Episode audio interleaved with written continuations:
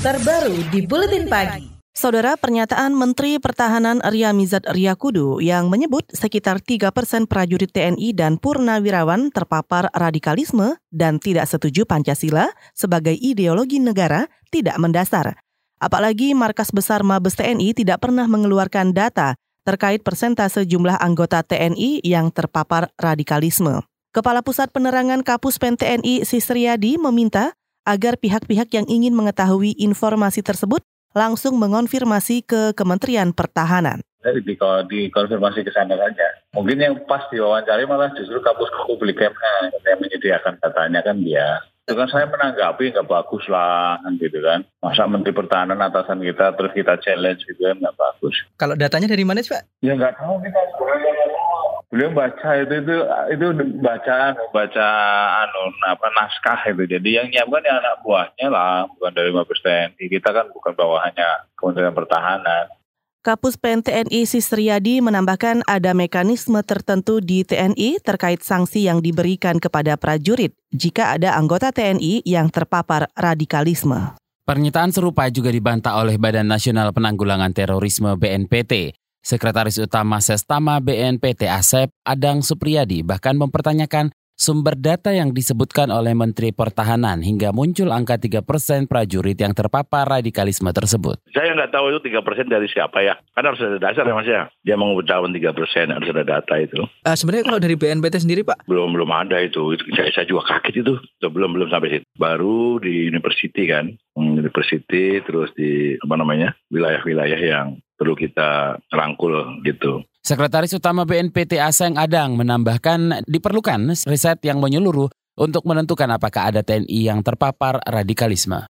Sementara staf ahli Kementerian Koordinator Politik Hukum dan HAM Sri Yunanto menyebut semua orang berpotensi terpapar radikalisme, tidak hanya TNI.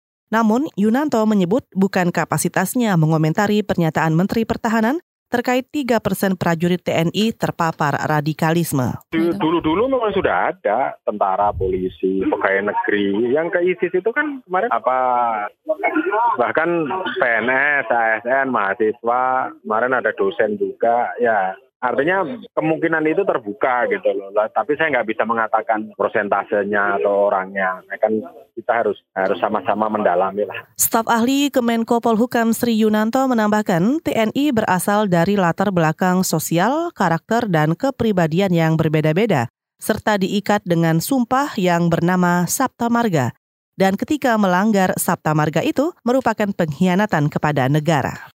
Pengamat terorisme Al-Qaidar menduga faktor agama atau teologi yang menjadi penyebab adanya TNI yang terpapar radikalisme. Ditambah banyaknya dakwah keagamaan yang tersebar melalui media sosial akan lebih mudah membuat TNI terpapar ideologi radikal. Yang paling kuat sih sebenarnya uh, teologi itu, faktor teologi, faktor agama itu. Jadi mereka kan bekerja pada sektor di mana uh, keyakinan, keimanan itu uh, harus ditempatkan di uh, level paling terdepan. Jadi uh, boleh dikatakan mereka kan selalu berada pada situasi di mana mudah sekali kehilangan nyawa. Jadi mereka mau tidak mau kan harus mempersiapkan apa namanya pengamanan-pengamanan teologis mereka yaitu keimanan. Pengamat terorisme Al-Qaeda menambahkan faktor ekonomi dan politik juga menjadi salah satu penyebab seorang TNI memiliki pemahaman radikal.